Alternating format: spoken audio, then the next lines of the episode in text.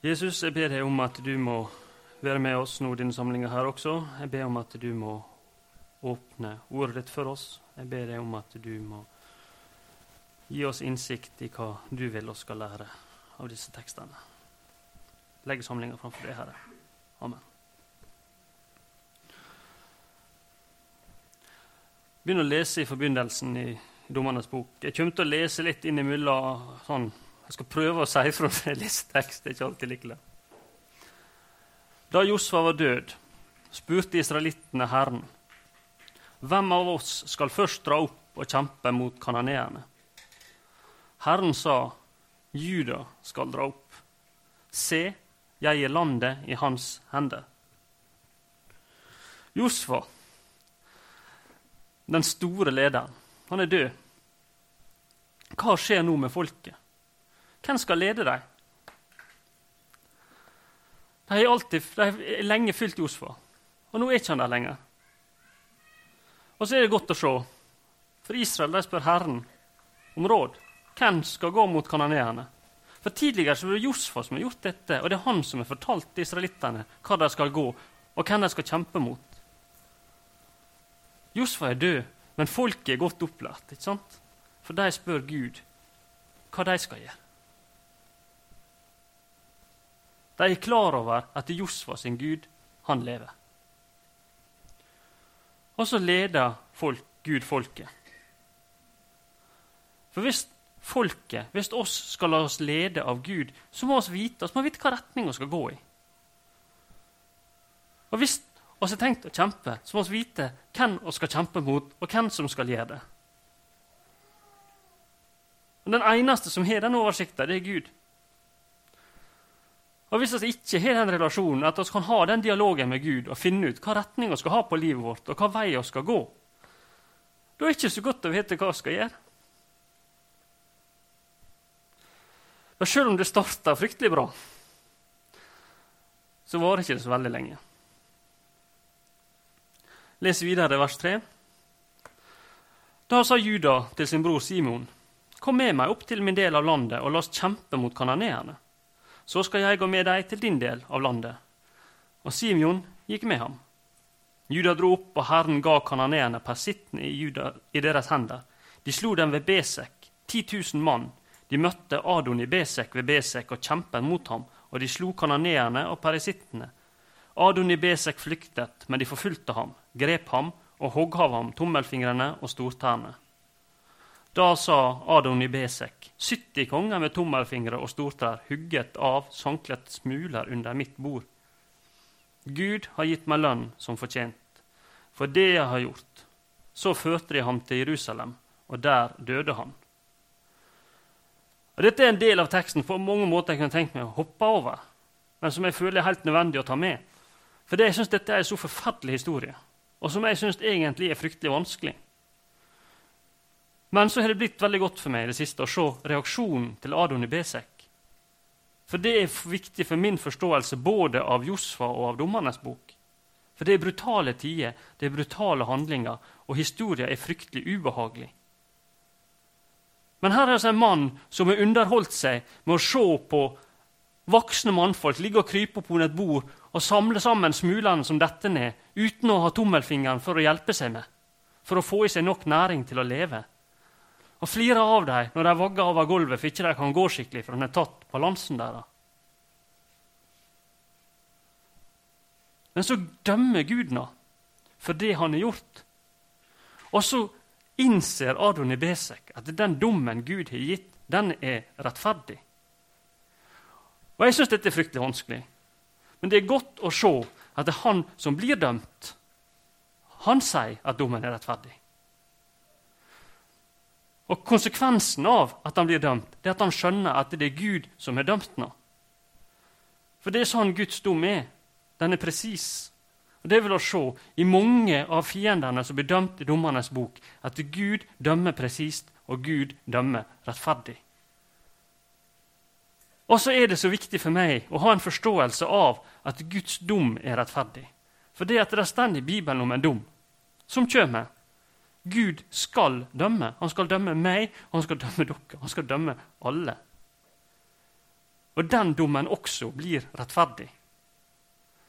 Og de som blir dømt, skal anerkjenne den som rettferdig. Og Jeg har hatt noen diskusjoner og prata med folk nå i forbindelse med IS, som skal opprette sitt kalifat. Og så får du da et spørsmål hva er forskjellen på det de driver med, og det Josfa gjorde når han tok Israel? Hvordan kan oss forsvare det Israel gjorde, og fordømme det IS gjorde? Og Det som da har vært godt for meg etter hvert å tenke, som jeg vet ikke om jeg klarer å formidle engang, men det er at Gud dømmer folket. Det er ikke en vinne. Det, det, det er ikke en hærtaking for å vinne, men det er en dom over et folk der folket innser at Guds dom er rettferdig. Og Egentlig er det en utrolig bra ting, dette med rettferdighet. For de som gjør vonde ting, de vil ikke slippe unna med det. For det ser ofte sånn ut når vi lever, at det ondskap lønner seg. Men vi har en rettferdig Gud som har sagt at det ikke er sånn. Og Grunnen til at Israel inntok landet, det var fordi de skulle utøve dom over de som hadde levd der. Og Derfor syns jeg det er så godt å se at Adoni Besek sier at denne dom den er rettferdig. Og Så fortsetter denne historien her utover, og Israel vinner seier på seier, ledet av Herren. Helt til det dukker opp noe fryktelig vanskelig i vers 19. Herren var med Juda, står det. Og så ser vi i vers 19 de klarte ikke å drive ut de som bodde på slettene, for de hadde jernvogner. Herren var med dem, men de klarte det ikke. Disse jernvognene blir knust litt seinere, men ikke her. De vinner ikke dette slaget.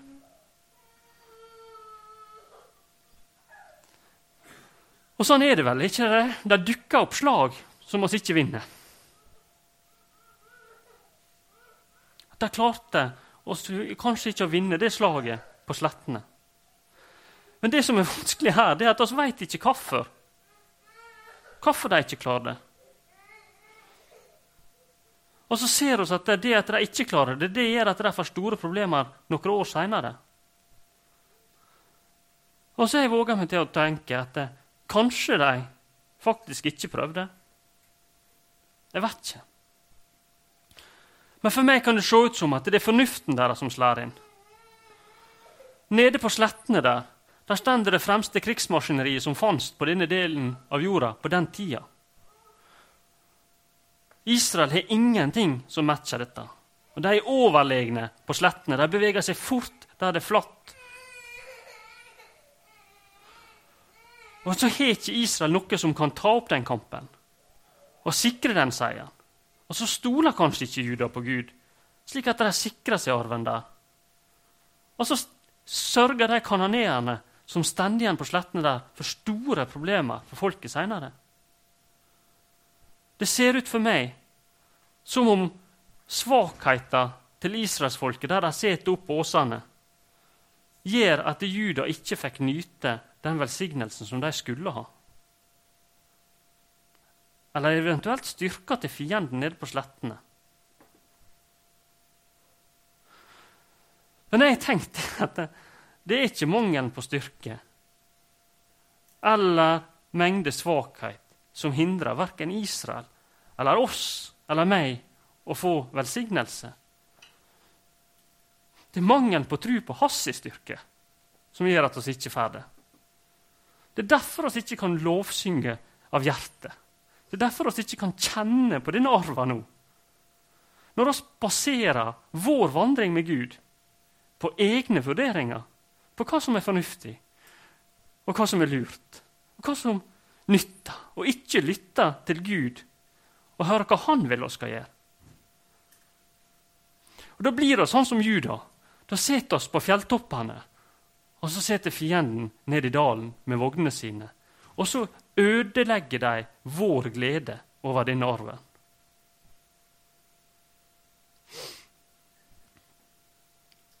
Og så ser vi det at disse kampene som de fører, det er tungt arbeid.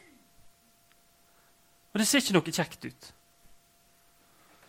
Men så ser vi på den andre sida at det er de åra der dommene lever, der folket har fred, det er da det ser ut som det er godt å leve i Israel.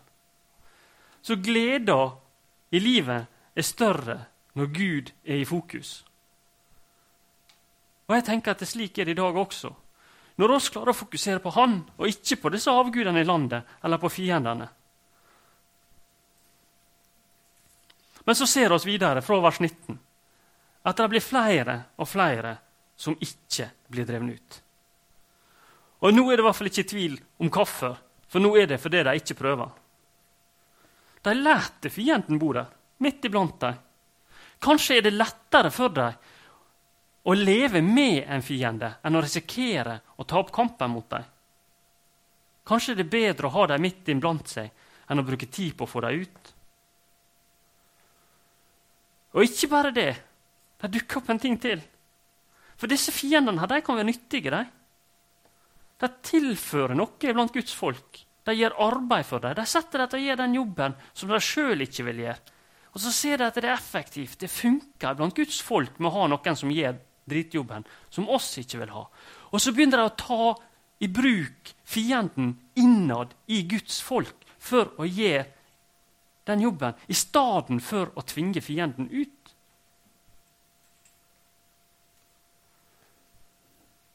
Og har det relevans for mitt liv og for Guds folk sitt liv? Har oss lett for å ta teknikker, teknologi, fagområde, et eller annet, inn i våre menigheter som vi vet skaper avstand til Gud? Men det funker, det skaper følelser, det skaper engasjement. Bruker oss virkemiddel som kanskje egentlig er fiende, i Guds folk i dag? Fordi at vi ser at det i hvert fall nå gjør det lettere. Og så tenker vi at vi kan kanskje kaste det ut seinere hvis vi opplever at det blir problematisk. For oss tillater ofte ting i livet vårt, og oss tillater ting iblant Guds folk som Gud er tydelig på at det ikke hører hjemme der. Og så tenker jeg av og til at det, det er lettere å ikke ordne opp og bare la det skure og gå. Det er mindre kamp, det, enn å prøve å kaste ut mange av disse fiendene her. Og så til slutt så er fienden gjennomsyra hele livet vårt og hele Guds folk. Og du ser, i løpet av ett kapittel her så blir det bare verre og verre. Og på slutten der står det at amorittene trengte danitten opp i fjellet. Og de lot dem ikke få komme ned på slettene. Nå er Guds folk blitt så feige at de er drevne vekk fra grensene som Gud har gitt dem. De har blitt mindre modige enn folket som lever i landet, som ikke har Gud på sin side. De er trykt opp på fjelltoppene. Så sitter de der oppe og så ser de ned på fienden. Og så har oss det sånn med. ikke sant? For min situasjon og Guds folks situasjon i Norge den ligner på dette. Vi kan ikke operere i hele landet lenger. Vi må privatisere trua vår. Det er veldig greit det vi holder på med. Vi må gjerne ha bibelfokus her, men vi må ikke plage andre med det vi holder på med. Hold dere for dere sjøl, set opp på toppene og nyt de fruktene dere får tak i der oppe, men ikke plag oss med guden deres. Og så slutter innledninga, den første, der. For da kommer Guds dom over det de har gjort. For da kommer engelen fra Gilgal til Bokim. Det er ikke tilfeldig at han vandrer fra Gilgal. Og så anklager han folket. Og hva anklager han dem mot? Han anklager dem mot å være ulydig mot Gud. Herrens engel kom opp fra Gilgal, opp til Bokim, og sa:" Jeg førte dere opp fra Egypt og inn i det landet som jeg med ed hadde lovet fedrene deres. Jeg sa, jeg skal aldri bryte min pakt med dere, og dere skal ikke slutte pakt med innbyggerne i dette landet. Alterne deres skal dere rive ned. Men dere adlød meg ikke. Hva har dere gjort? Derfor sier jeg nå, jeg vil ikke drive, bort, drive dem bort for dere. De skal bli en snare for dere og gudene deres skal bli en felle for dere. Da Herrens engel hadde sagt dette til israelittene, gråt folket høyt. Derfor kalte de stedet Bokim, og de ofret til Herren der.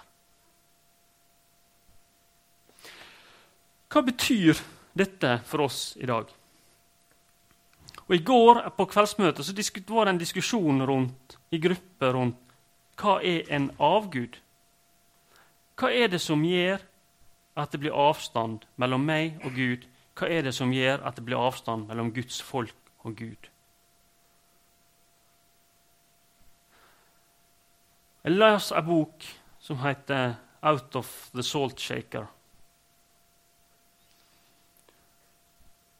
Og det er prøvd å oversette et lite derifra. Det som kontrollerer oss, det er vår virkelige Gud.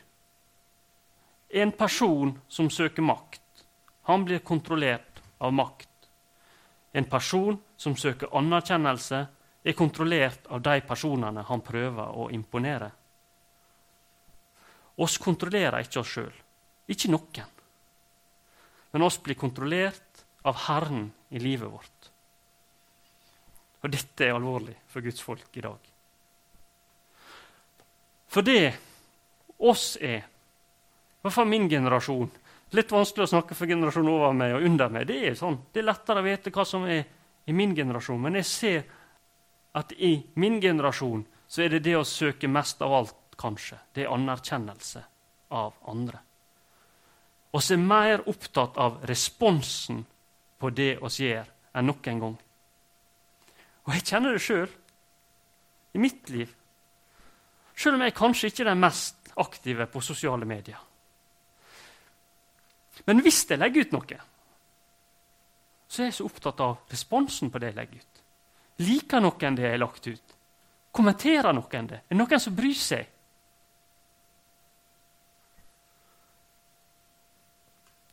Hvor ofte sjekker ikke oss f.eks. telefonen vår. For min del som regel e-poster og tekstmeldinger. Eller kommentarer.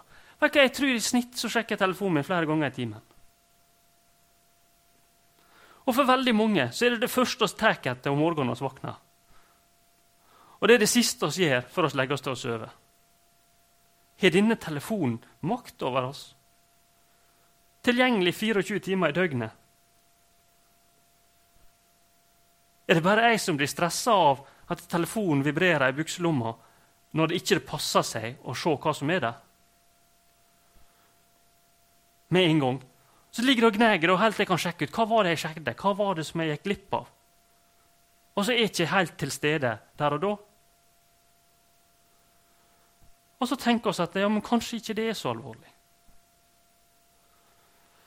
Men så har vi et samfunn nå der min generasjon, som jeg mener sliter med disse tingene her, det er de som har unger. Der foreldre alltid er tilgjengelige for alle. Og jeg tror at i Norge i dag så opplever alle unger å bli avvist til fordel for en dings. Hvordan påvirker det ungene våre? Hva gjør det med en liten unge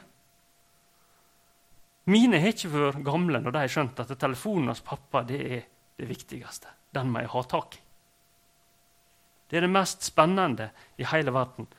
Og De første gangene de når tak i den, så finner ikke de ut at den er så spennende. De smaker kanskje på den. Den smaker ikke godt.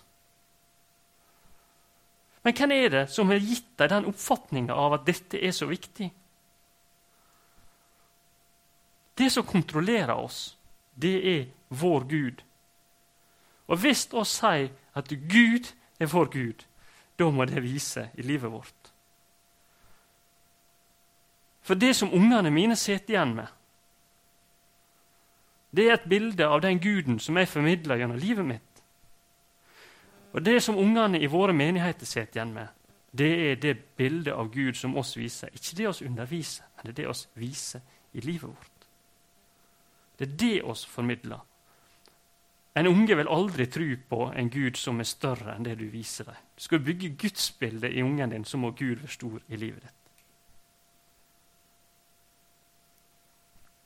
Det som skjer her i Israel, det er at folket de gjenger til avgudene i landet. Og Så detter de opp under undertrykkere. De blir trykt ned av et eller annet. Og Så oppreiser Gud en dommer, og så utfrir han dem. Og så ender de opp enda verre enn de var før Gud utfridde dem. Sjøl om de hadde opplevd utfrielse.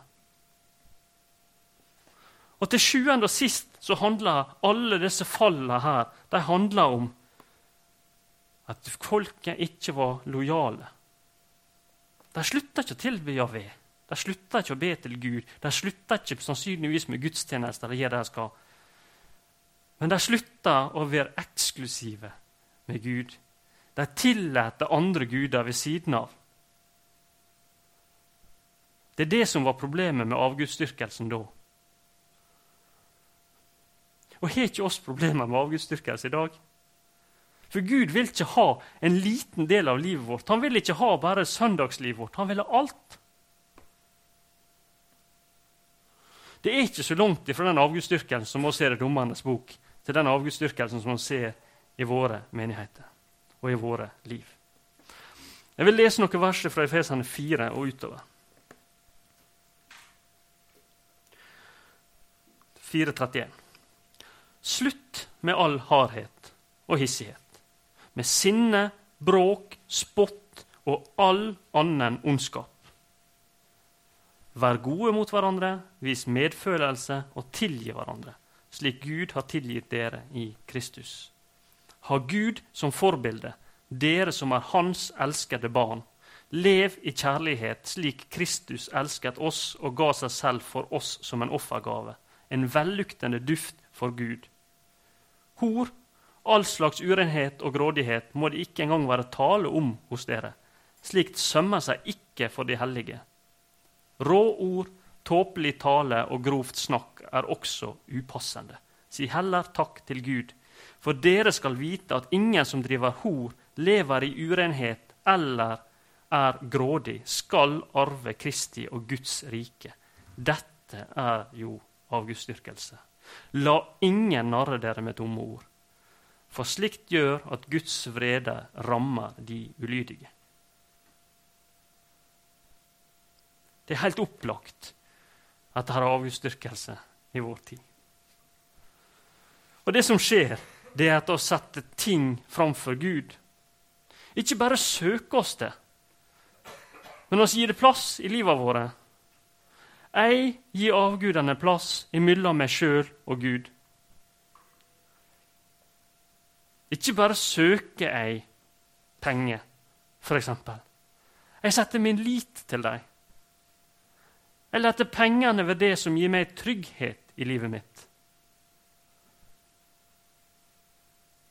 Og vet hva, Jeg har kjent på det, og jeg tror flere andre har kjent på det også. Men jeg kjenner at jeg stoler på at rikdommen og velstanden som oss har her, både i livet våre og i landet, det skal redde oss. Men skaper ikke det da avstand mellom oss og vår Gud? Er ikke det da avgudsdyrkelse? Alle de tinga som tar hjertet vårt fra Gud, det er der kampen stender. Både som individ og som Guds folk. Sjølsagt skal vi være takknemlige for det vi har fått for velstanden og det vi har fått her. Men så må jeg passe på at det gavene som Gud har gitt meg, at de ikke faktisk drar meg vekk ifra Gud, men at de gir at jeg snur meg til Gud i takknemlighet for dem. Og at jeg ikke begynner å stole på tinga, men at jeg stoler på Gud. Jeg har fått en god jobb. Og så må jeg huske å takke Gud for det. Men så opplever jeg at jeg, jobben min kan bli viktigere enn Gud. Hva hvis jeg ofrer ærligheten min for å gjøre suksess? Eller kanskje jeg ofrer familien min for å oppnå en posisjon i selskapet? Er ikke det ting som er lett å gjøre? Ved å alltid være tilgjengelig, ved å alltid være påkobla. Jeg har kjørt hit ned med jentene mine. Og så hadde jeg en fin tur. Og på veien så hører oss Øystein CD4. Jeg vet ikke om det er mange her som har hørt Øystein CD-ene. Uh, ehm, og uh, jeg må si det at uh, det kan bli litt slitsomt. I hvert fall når du hører den to og tre og fire ganger. Men så er det så utrolig bra. For jeg hører Øystein CD4. Den har jeg ikke hørt før. Her kommer det en tysker som heter Chris Dove. Og så forklarer han på en genial måte til ungene mine og til meg hvordan Norge har blitt det gode landet det har blitt. Kanskje, det kan hende at han dreier det vel langt. Men han viser meg hvordan det at oss fikk kristne ledere i Norge, i de gamle kongene, fra Håkon den gode til Håkon Lagabøter, som lot bøndene være med å bestemme, og til Olav den hellige. Selv om det var utrolig mye gale i livet til disse folka, her, så starta de en prosess i dette landet som oss lever i, der mennesket fikk verdi, og folk flest fikk noe de betydde. Og så Gjennom møtet med Kvitekrist så ble det bedre for folk flest i Norge å leve.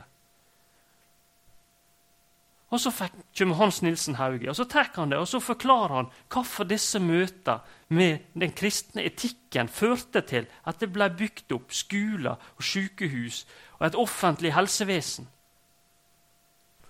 Og hvordan dette utvikla velstand og bedrifter hvordan det førte til at det menneskeverdet har stått sentralt, den humanistiske tankegangen som blir kalt i dag.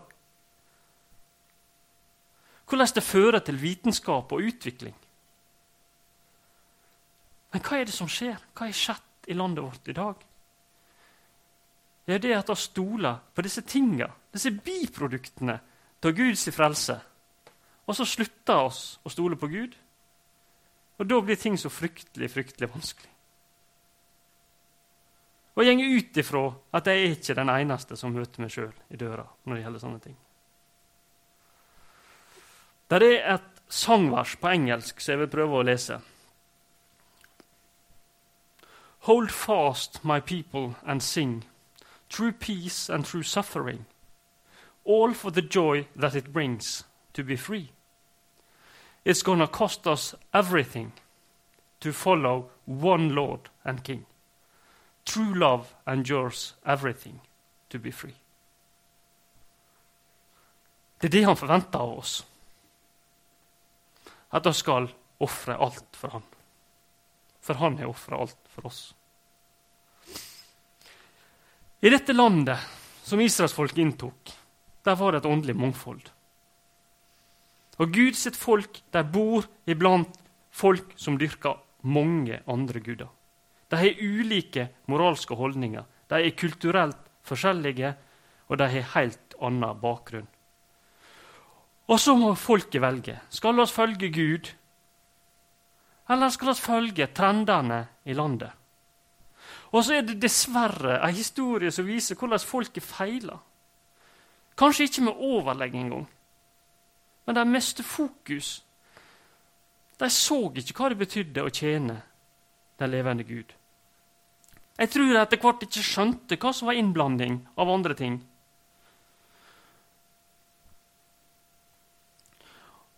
Og Det som de gjør, de snur seg fra å elske, tjene og lye og leve for Gud til å tjene gudene i landet.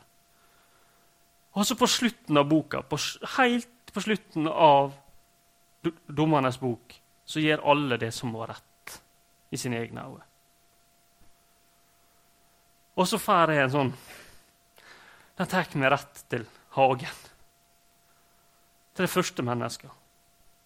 Som opplevde nærhet og intimitet med Gud. De hadde full frihet. Åndelig frihet. Adam har rusla i lag med Gud, og så ser han på det som er skapt. Og så er det skapt for at han skal nyte det. Og så stiller grunnen Gud stiller bare én betingelse, at de skal elske Han. Og så styrer Gud kursen for dem, og så viser Gud dem hva som er rett, og hva som er galt. Og Dette er største grad av frihet et menneske noen gang kan oppleve. Det var ikke noen andre der. Det var bare de og Gud. Og Gud hadde definert alt han hadde skapt, som godt. Og så er ikke det bra nok for mennesket. For de vil ikke leve i en verden der det er Gud som definerer hva som er rett og galt. De ønsker å bli som han og sjøl bestemme. Og så er det det som skjer gjennom hele menneskets historie. Guds autoritet blir utfordra på alle områder.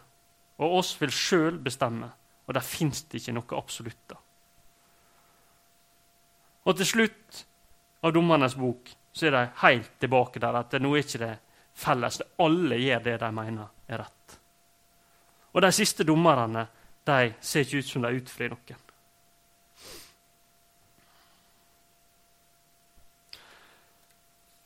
Og så er ikke Dommernes bok først og fremst full av gode rollemodeller.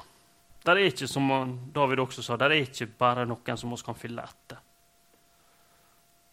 Jamt over så er det greit i begynnelsen, og så blir det dårligere og dårligere. Men det boka viser, det er at Gud gir nåden sin til et folk som ikke fortjener det, og som heller ikke alltid søker det, og noen setter heller ikke pris på det. Men er ikke det det som er evangeliet? For det hele denne boka den peker på det, at det der er bare én helt i Dommernes bok, og det er Gud. Der er bare én frelser, der er bare én sann Herre. Og så viser den at Guds nåde den vil overvinne sjøl de dummeste handlingene. Og så håper jeg at det kan være litt av fokuset.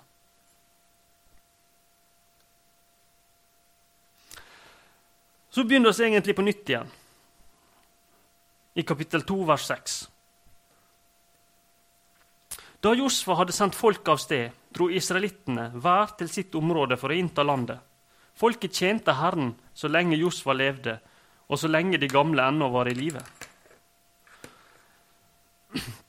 De som hadde levd lenger enn Josfa og hadde sett alle storverk Herren hadde gjort for Israel, Josva, Nuns sønn, Herrens tjener, døde, 110 år gammel. De gravla ham på hans egen grunn i Timrat Heres i Efraimfjellet, nord for Garsfjellet. Snart var hele dette slektsleddet forent med sine fedre. Etter dem vokste det opp et nytt slektsledd, som verken kjente Herren eller visste hva han hadde gjort for Israel. De, da gjorde israelittene det som var ondt i Herrens øyne, de dyrket Baal-gudene og forlot Herren sine fedres Gud, som hadde ført dem ut av Egypt. De fulgte andre guder, guder fra folkene som bodde omkring, og tilba dem. Slik gjorde de Herren rasende. Da forlot Herren, de forlot Herren og dyrket Baal og Astarte. Hva er det som er gale her? Når folket mister Josfa, så sjøl om det ser bra ut første gang, det de mister, de mister en formidabel leder. Og det er et kjempetap for folket. Og så går det bra, men bare ei lita stund. De som var godt opplært, de aller første, de som kjente Josfa, de som hadde sett det han hadde gjort, de skjønte at Josfa var død, men Josfa sin Gud var ikke død. De hadde sett de store gjerningene, og de visste at disse store gjerningene de kunne umulig ved Josfa sine. Ikke bare hadde de Josfa sitt liv og hans lære å støtte seg på, men de hadde også personlige erfaringer med Guds storhet. Men problemet det er som med oss. De hadde fryktelig dårlig hukommelse. Og Ole Inge han sa til meg i går at jeg kom til å merke det når jeg bikka 40. For da begynner jeg å glemme. Men jeg har glemt lenge. Hvordan skal vi holde minnet i livet. Og vet du hva? Jeg tror ikke det er mulig. Vi kan ikke leve et helt liv på en god opplevelse. Og så håpe at den gode opplevelsen jeg hadde en gang i livet, den skal jeg klare å få videre til neste generasjon. For det er det det handler om, ikke det? At oss kan bidra til å sette de som kommer etter oss, i brann for Kristus. Og så gir dem kraft til å vinne seier over sine fiender. Og gir dem kraft til eller gir dem, for å skjønne hvor de kan hente kraft til å opprettholde en ren gudsdyrkelse. De gamle er vekke. De store opplevelsene av Gud i ørken de er blitt til historie. Gjenfortellingene er ikke gode nok. Og De som døde, de gjorde ikke godt nok grunnarbeid til at slekta fikk nyte fruktene i Kanan. Det starta med Jeriko og Ai. Og så fortsetter det gjennom hele Kanan. Og Lista over seier som står i kapittel 12 i Josfas bok, er lang. Og Dette var Guds seire, ikke Josfas sine seire. Dette var de store gjerningene som den generasjonen som gikk inn, opplevde. Og opplevde sjøl, å stå på slagmarka, kjenne vekta av sverdet i handa og se det Gud har gjort, og være en del av det. Det er noe helt annet enn å høre det gjenfortalt. Når Gud er mektig til stede i livet vårt, så gir det inntrykk. Men hva er det som gjør at de ikke får det videre? Og Jeg syns dette er forferdelig alvorlig. Og Det er vel en resultat av at jeg har fått unger. er ikke det? Det er kanskje da du begynner å bekymre deg for sånne ting. Hvordan skal oss få forkynt evangeliet til våre unger? Og så kan han begynne å se, for Gud har gitt Israel en modell for hvordan dette skal gjøres. Og hovedansvaret den er lagt på foreldra. Det er jeg som forelder som har hovedansvaret for at mine barn lærer Gud å kjenne. Hvis vi leser 5. Mosebok 6,6 Disse ordene som jeg pålegger deg i dag, skal du bevare i ditt hjerte. Du skal gjenta dem for dine barn og snakke om dem når du sitter i ditt hus, og når du går på veien, når du legger deg, og når du står opp. Du skal binde dem om hånden som et tegn og ha dem på pannen som et merke. Du skal skrive dem på dørstolpen i huset ditt og på portene dine. Og så står det også i 2. Mosebok 12, 26 hvordan de skal feire påske. Og når barna deres spør hva er dette for en skikk, skal dere svare det er påskeoffer for Herren fordi han gikk forbi israelittenes hus i Egypt da han slo egypterne. Men han sparte husene våre. Da bøyde folket seg til jorden og tilba. Så gikk israelittene bort og gjorde dette, det Herren hadde gitt Moses og Aron påbud om. Også I tillegg så skulle selvsagt lederne og levittene bidra. Men hvordan praktiserer oss dette i dag? Det å snakke om og leve i et intimt forhold til Gud, det kan bidra til at neste generasjon lærer Gud å kjenne. Men det er ingen garanti. Dessverre. Det er faktisk ikke sikkert at Josfa sin generasjon feiler på dette punktet. Det stender ikke noen plass. Det stender ingen plass at det var foreldra sin feil at de ikke fulgte Gud. Fordi hele skulda blir tillagt den neste generasjon. Men hva skal oss gjøre for å forhindre at oss opplever det samme? Hvordan skal oss som Guds folk sørge for at de som kommer etter oss, de kjenner Herren, og at de kjenner Hans sine mektige gjerninger, og at de veit hva Jesus har gjort for oss? Og jeg tror jeg har dekning for å si at det er mangedelt, men det starter i heimen. Og det er spesielt, for sånn er ikke samfunnet vårt i dag. Nå er det samfunnets oppgave å oppdrage unger. Ungene skal helst i barnehage så tidlig som mulig og få likest mulig oppdragelse fram til de blir myndige og kan velge sjøl. De skal være mest mulig i institusjon og minst mulig i lag med sine foreldre. Alt de lærer, det skal de lære utenfor heimen. Det var ikke sånn før, og skal ikke langt tilbake i tid før det ikke var sånn før. Når ungene ble store nok til å hjelpe til å arbeide, så hjalp de til med det arbeidet som mor og far drev med, Og så gikk de inn i samme profesjon og så gjorde de det samme som mor og far. De gikk i lag med mor og far og lærte alt livet hadde de å lære nesten der. Og så skal det nå profesjonaliseres. Og så er jeg redd for at denne tankegangen her, den sniker seg inn når oss skal oppdrage våre unger til å lære å kjenne Gud. At oss overlater opplæringa av våre unger til profesjonelle kristne lærere. Det er så vanvittig viktig at oss som foreldre bruker anledningene ikke det at å samle, Jeg sier ikke at det ikke er viktig, men ikke først og fremst at vi sitter rundt bordet og leser noen vers før middagen. Det er ikke det det handler om. Men det at oss bruker hverdagen vår, alle ting som skjer, hver gang det er anledning til å peke på Jesus til å snakke om Guds gjerninger. La det bli en naturlig del av språket vårt. De skal gjøre det hele tida. Underveis, når de går på veien, når ting skjer. Og ikke bare putte det i bolker, selv om vi skal gjøre det også. Men det må en, Gud må bli en naturlig del av vårt dagligliv. Og hvordan skal vi få det til? Hvis jeg skal klare det, så må jeg slippe Jesus helt inn i livet mitt. Og så må han få bli herre i mitt liv først. For hvis jeg lar han være herre i mitt liv først, da kan jeg gi det videre til andre. For det er ikke nok med fakta. Vi må snakke om liv, og vi må dele erfaring. Og Paulus han skriver til ene menigheten at han har født dem. Han er deres far. De har mange lærere, men han er faren deres. Og oss trenger det.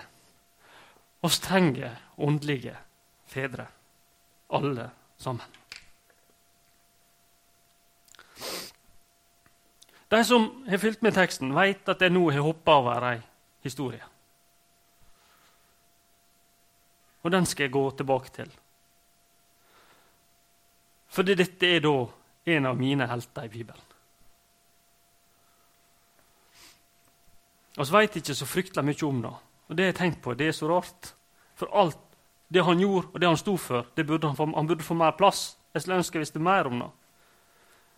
Men første gang eller han, han på scenen, i hvert fall, det er da når Moses sender ut sine tolv speidere for å se på landet i 4. Mosebok.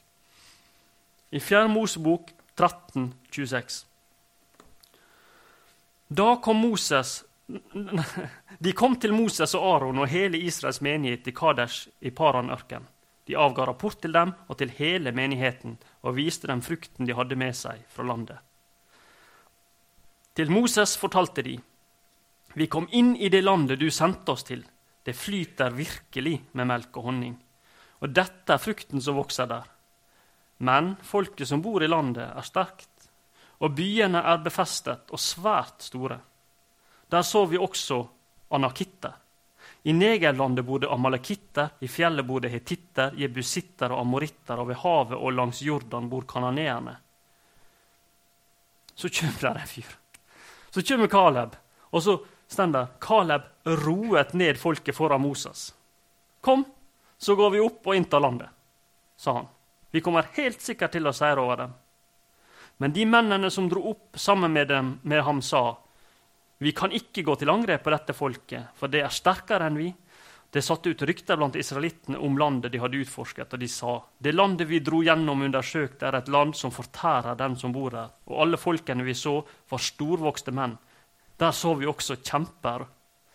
Anakittene hører til kjempene. I egne øyne var vi som gresshopper og det var vi i deres øyne også. Da brøt menigheten ut i høye rop, og folket gråt den natten. Alle israelittene klaget til Moses og Aron. Hele menigheten ropte til dem. Bare vi hadde fått dø i Egypt og heller her, nei, eller her i ørken. Bare vi hadde fått dø. Hvorfor fører Herren oss til dette landet? Så vi må falle for sverd, og kvinnene og småbarna blir krigsbytte. Men så er det én mann, en av disse speiderne, som sier noe helt annet. Og så går han framfor denne massive folkemengda Og Så roer han det ned og så sier han, kom igjen, og så går og tar dette landet. Gud har gitt det til oss, så det vil gå bra. Og så ender det med at i menigheten løfter opp steiner, og så vil de steine Moses, Aron, Josfa og Kaleb. Og Så viser Herren seg for dem, og så taler han til dem og sier at ingen av dere skal få komme inn i dette landet, med unntak av en mann. Men Kaleb, min tjener, har en annen ånd i seg, og han har fulgt meg trofast. Derfor vil jeg føre ham inn i det landet han har vært i, og etterkommerne hans skal få innta det. Han hadde vært trofast, og han hadde ei anna ånd. Han måtte gå og traske i ørkenen i 40 år i lag med de som ikke trodde på Gud. Som ikke trodde Gud kunne gi seier. Og så måtte han vente på at det skulle bli klart til at han kunne få ta del i å innta dette landet. her. Det krever karakter. Å gå der i 40 år i ørkenen fordi noen andre ikke tror på Gud, og vente på at det skal bli klart. Jeg sporer ikke mye bitterhet med Caleb. Mm. Da kom Judas etterkommer til Josfa i Gilgal. Og kenasitten Caleb, Jefunnes sønn, sa til ham, Du vet hva Herren sa til gudsmannen Moses om deg og meg da vi var i Kaders Banea? Jeg var 40 år gammel da Moses, Herrens tjener, sendte meg fra Kaders Banea for å spionere i landet, og jeg avga rapport etter beste skjønn. Mine brødre som fulgte meg dit opp, tok motet fra folket, men jeg holdt meg trofast til Herren min Gud. Den dagen sverget Moses, sannelig, det landet du setter foten på, skal være din og dine barns eiendom, for alltid fordi du holdt, fast, holdt deg trofast til Herren min Gud. Se, Herren har nå, slik han lovet, latt meg leve i disse 45 årene, helt fra han gav Moses dette løftet, mens Israels vandret i ørkenen og frem til denne dag. Og se, jeg er i dag 85 år. Jeg er fremdeles like sterk som den dagen Moses sendte meg ut. Min kraft til å kjempe er den samme nå som da, både til å dra ut og til å komme igjen. Så la meg nå få dette fjellandet som Herren lovet meg den dagen. Du hørte jo den gang selv at der bor det anakitter, og at de har store, befestede byer. Kanskje Herren vil være med meg, så jeg kan ta landet deres som han lovet. Da velsignet Josva Kaleb, Jefunnes sønn, og ga ham Hebron til eiendom. Derfor er Hebron hans slekts eiendom den dag i dag, fordi kenasitten Kaleb, Jefunnes sønn, holdt seg trofast til Herren, Israels Gud. Hebron het tidligere Kiryat Arba etter den største mannen blant anakittene. Og landet fikk hvile fra krigen. Han har gått der og venta i 45 år. Nå skal byene angripes. De befester byene der anakittene bor. Kjempene, de største, de som ingen trodde de kunne overvinne. Eldste mann i forsamlinga, han, han var klar og det er så fantastisk. I en alder av 85, 85 år så er han like gira på å ta arva fra de kjempene som israelsfolket trodde ikke var mulig. Som de ikke trodde de kunne håndtere. Hvordan kan oss bli sånne menn? Hva var spesielt med Caleb som gjorde at han hadde han var den personen han var? Hva var det med hans ånd? Og Egentlig så er ikke det verre enn at han trodde på Guds løfter om at han kunne vinne seier, og han fokuserte på de mulighetene. Og Jeg syns det er oppmuntrende å lese om disse personene som opplever store ting med Gud, og som holder ut i tunge tider. 45 år på tomgang i ørkenen. Jeg har ikke tølt det. Men så fikk han arven sin, og så ser ikke det ut som det er bitterhet. Og det ser ikke ut som han har mista kampvilja si. Når vi blir 85 år, så er vi pensjonister i ganske mange år. Han kunne ha funnet seg et oliventre og lagt seg ned i skyggen og så nøte de siste åra sine i landet. Men så ønska han å utvide arva og ta det videre. Men så syns jeg denne historien her, den passer så utrolig bra med det jeg sa om neste generasjon. For Caleb, vi har ei datter. Og de av oss som er så heldige å ha ei datter eller to, de vet at det faktisk er det viktigste i livet vårt. Og Kalebs datter hun heter Aksa. Hun var utrolig viktig for han. Og denne gudsmannen han ønska henne alt godt i livet. Er ikke det oss vil for ungene våre? Men det som er spesielt med denne mannen Kaleb, det er at han har et hjerte som er vendt mot Herren. Han har en annen ånd, han har noe med seg som er annerledes. Og så har han sett fruktene av det, og så har han sett hva det har gjort for seg og for sin familie. Han har sett hvor bra det har vært for de rundt ham. Og det han først og fremst vil ha, han vil ha et liv for dattera si som ligner på det livet han sjøl har hatt, i nærhet til Gud. Og måten han vil sikre det på, det er sånn som det da var, prøve å gi henne en mann som har de egenskapene, slik at de kan styrke hverandre, og de kan gå i lag og vinne disse tinga. Hvordan skulle han få til det? Så Les oss i Dommerne 1 igjen, vers 12. Kaleb sa, 'Den som slår Kiryat Sefer og inntar byen, skal få Aksa, min datter, til kone.' Han ville ha en mann som var opptatt av å innta landet til dattera si. Otniel, sønn av Kalebs yngste bror Kenas, inntok byen, og Kaleb ga ham datteren Aksa til kone. Da hun kom, overtalte hun ham til å befale ham om et jordstykke. Hun steg av eselet, og Kaleb spurte henne, 'Hva vil du?' Hun svarte, 'La meg få en gave. Siden du har gitt meg dette ørkenlandet, må du også gi meg kilder med vann.' Og Kaleb ga henne øvre kilden og nedre kilden. Og så ser vi at det var en bra ting at Otniel risikerer livet sitt for å vinne Aksa. For hun var litt av ei dame. Ikke bare var hun dattera til Kaleb, hun hadde også Hassi ånd. Og hun var lik far sin. Og så pusha hun Otniel til å be svigerfar sin om et landområde. Noe som han fikk. Og jeg tenker meg at når han, Otniel kommer til Kaleb og ber om å få et landområde til seg og Aksa, så gleder det Kaleb. Han ønsker en del av arven som Gud har gitt oss, for dattera mi og seg sjøl, for å bygge noe på. Og så skjer det noe enda bedre. Så kommer Aksa sjøl med. ikke sant? Og så sa hun hvis vi virkelig skal få nyte frukt i dette landet, her, så trenger vi vann. Kan ikke du gi oss noe å dyrke dette med? Noe vann? Og så får hun to vannkilder.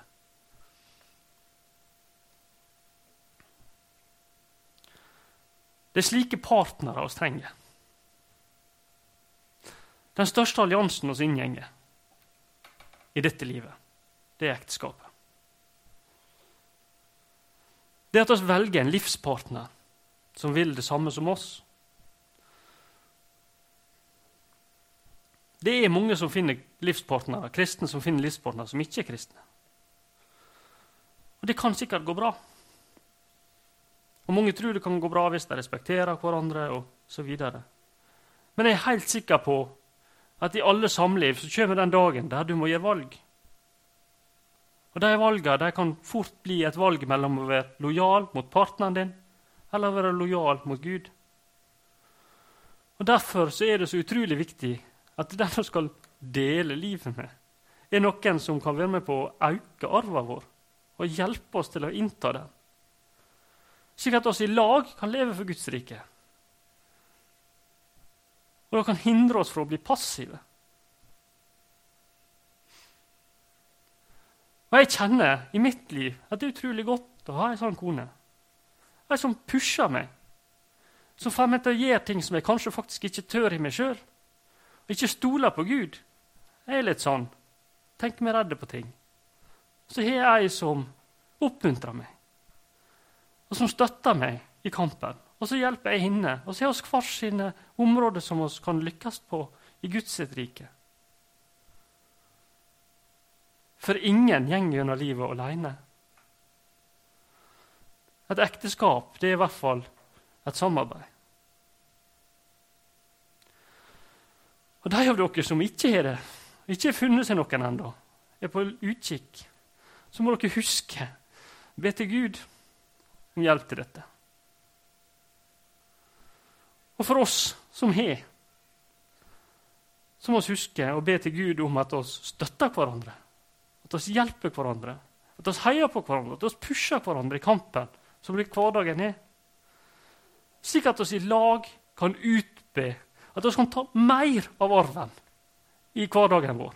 At vi kan påvirke, vi kan vinne Guds rike, kan nå større ut av vårt liv enn hvis vi sto alene.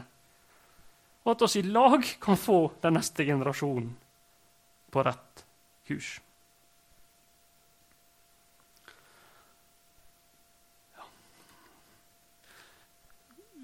Nå mister jeg klokke, men hvor lenge skal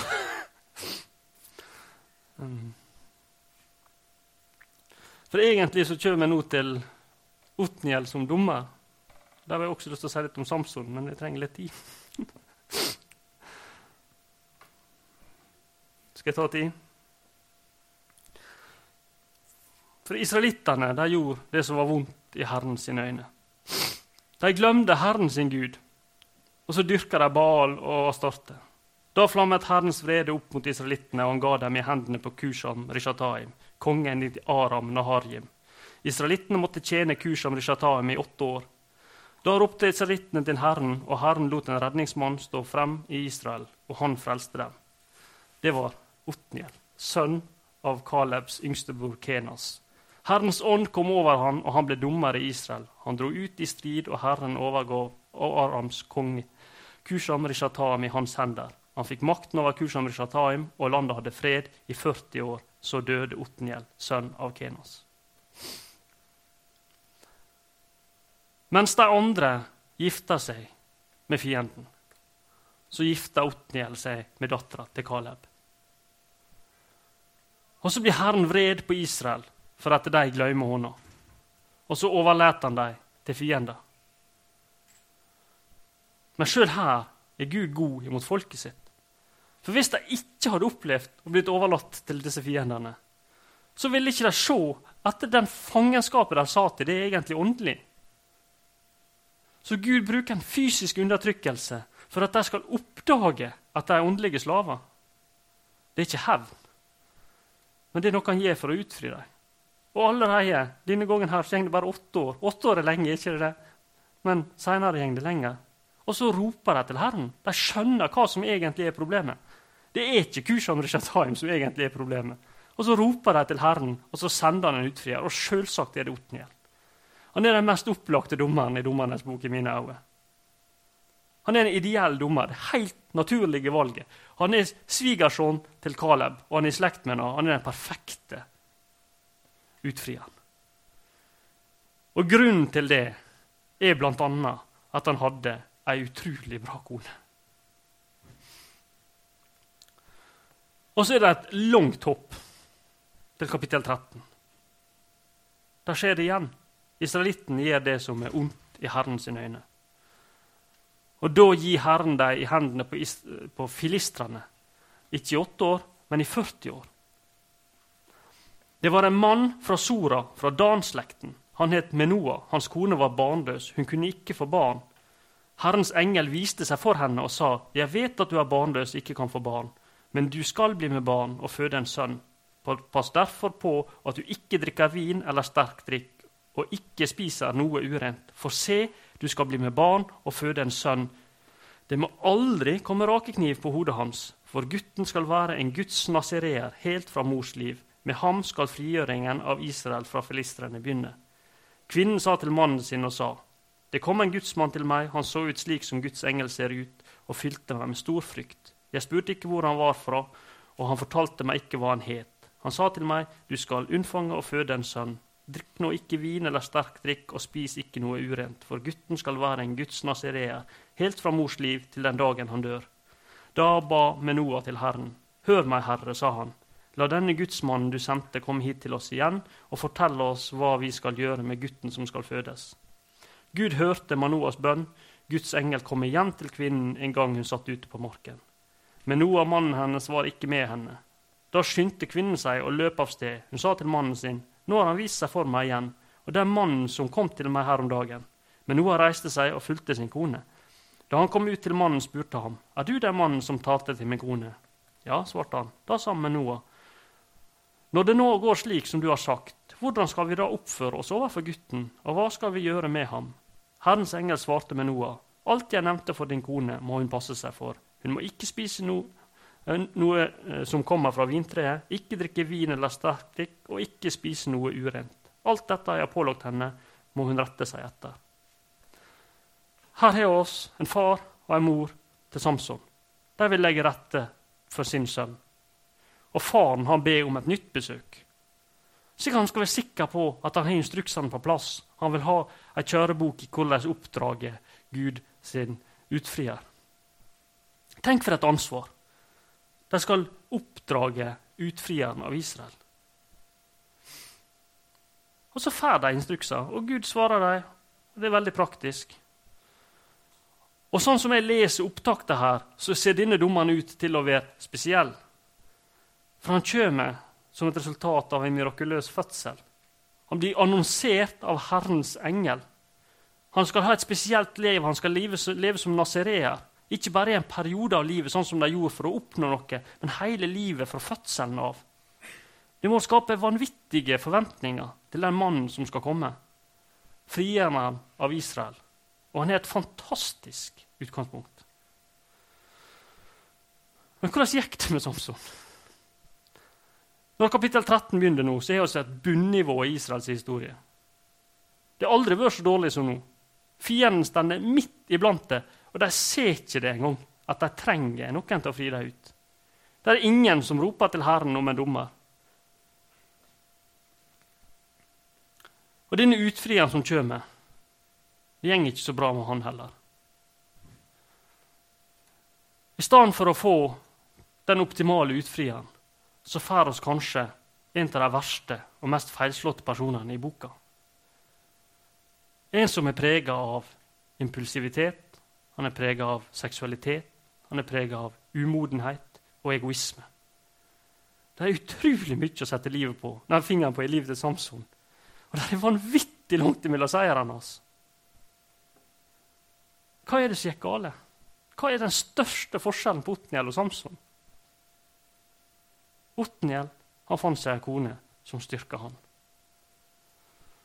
og som ville det samme som han, og som hjalp til å utvide arven hans. Samson han forelska seg i fienden mer enn én en gang. Og resultatet det er katastrofalt. Og I motsetning til Otniel, som utfridde folket fra fienden, så klarte ikke Samson det. Og fienden den står i landet helt til David kommer, lenge seinere. Han ser ei dame i Timna, ei filisterdame, som han liker. Og Så går han hjem igjen til foreldra og så sier han, hun, til far sin, hun skal jeg ha som kone. Og Faren han veit hva engelen har sagt, han veit hva liv Gud har tenkt for noe. Og han prøver å snakke henne ifra det, men han gjetter. Samson han er impulsiv. Han fyller evnene sine. Han vil ha det som kan tilfredsstille lystene sine, uavhengig av om det er Guds vilje eller ikke. Og De verdiene som jeg ser Samson søker etter, det er de samme verdiene som samfunnet i dag prøver å fortelle meg dette er det viktige. Og Det krever styrke, og det krever ledelse, og ikke tro på disse løgnene. For det er en attraktiv forførelse. Og Selv om Gud hadde gitt klare instrukser på hvordan de skulle forholde seg til disse damene, så inngikk Guds folk allianser med fienden. For Gud sier i 2. Mosebok 34.: Du skal ikke slutte pakt med dem som bor i landet, for de driver hor med gudene sine og ofrer til dem. Hvis de inviterer deg, kommer du til å spise ofrene deres. Tar du konene til sønnene dine blant døtrene deres, så vil døtrene deres drive hor med sine guder og få sønnene dine til å drive hor med gudene deres. Og i 2. Korinterbrev 6, 14, gå ikke under fremmed åk sammen med slike som ikke tror. For hva har rettferd med urett å gjøre, og hva har lyset til felles med mørket? Hvordan kan Kristus og Belair bli samstemt? Hva har en troende felles med en vantro? Hvordan kan Guds tempel og avgudene forlikes? Vi er jo den levende Guds tempel, slik Gud har sagt. Jeg vil bo og vandre midt iblant dem. Jeg skal være deres Gud, og de skal være mitt folk. Derfor, sier Herren, dra bort fra dem og skill dere fra dem. Rør ikke noe urent. Da vil jeg ta imot dere. Jeg vil være deres far, og dere skal være mine sønner og døtre, sier Herren den allmektige. Og Jeg tror ikke det nødvendigvis betyr at en ektefelle vil prøve å omvende deg og vekk ifra trua di. Men det handler om avgudsdyrkelse. Det å bytte ut Gud og gjøre det gode som Gud skapte, til viktigere enn skaperen. Og i et forhold der oss er ulik fokus på livet, så er det stor risiko for at Gud kan bli skubba til sidelinja. For det er vanskelig å drive ut fienden når vi finner den attraktiv og forelsker oss i den. Og for hele Guds folk på denne tida her så bodde fienden midt iblant Guds folk. Og Guds folk så ikke det. De visste ikke at det var fienden som sto der. Og så skjer det mye. Jeg skal, jeg, det er ikke tid. Men Samson han rota det forferdelig til for seg gjennom mange perioder og mange episoder. Og Til slutt så kommer filistrene og så sier de til Samson sitt folk gi oss Samson. Og folka i Juda det virka ikke som de visste de hadde noen dommer engang. De visste ikke at Samson eksisterte. De visste at, at han var et problem. Men de gir fra seg han som skulle være dommeren der, han som skulle være utfrieren der. De gir han til fienden. Her, ta han. For folket ville ikke ha en utfrier. Så det er ikke bare Samson som forelsker seg i fienden. Det er hele Guds folk. Og så tenner Samson på noen marker, og så slår han i hæl noen folk. Noen hundre der og tusen der. Gjerningene viser stor makt. Det som skjer med Samson, han blir stor i egne øyne. For han tar det som Herren har gitt ham, som gitt. Han ser ikke egentlig at dette er en gave fra Gud. Han har fått disse kreftene, og han bruker dem, og han tror han får beholde dem. Han har fått store gaver fra Gud som han misbruker. Ikke for Guds rike, men for sitt eget rike. Han bruker de gavene som Gud har gitt ham, til å oppnå personlig vinning. Og det ser den eneste gangen han utviser tru, det er egentlig når han ber til Gud på slutten, helt på slutten av livet. Og sjøl da så er det et lite sting av hevn.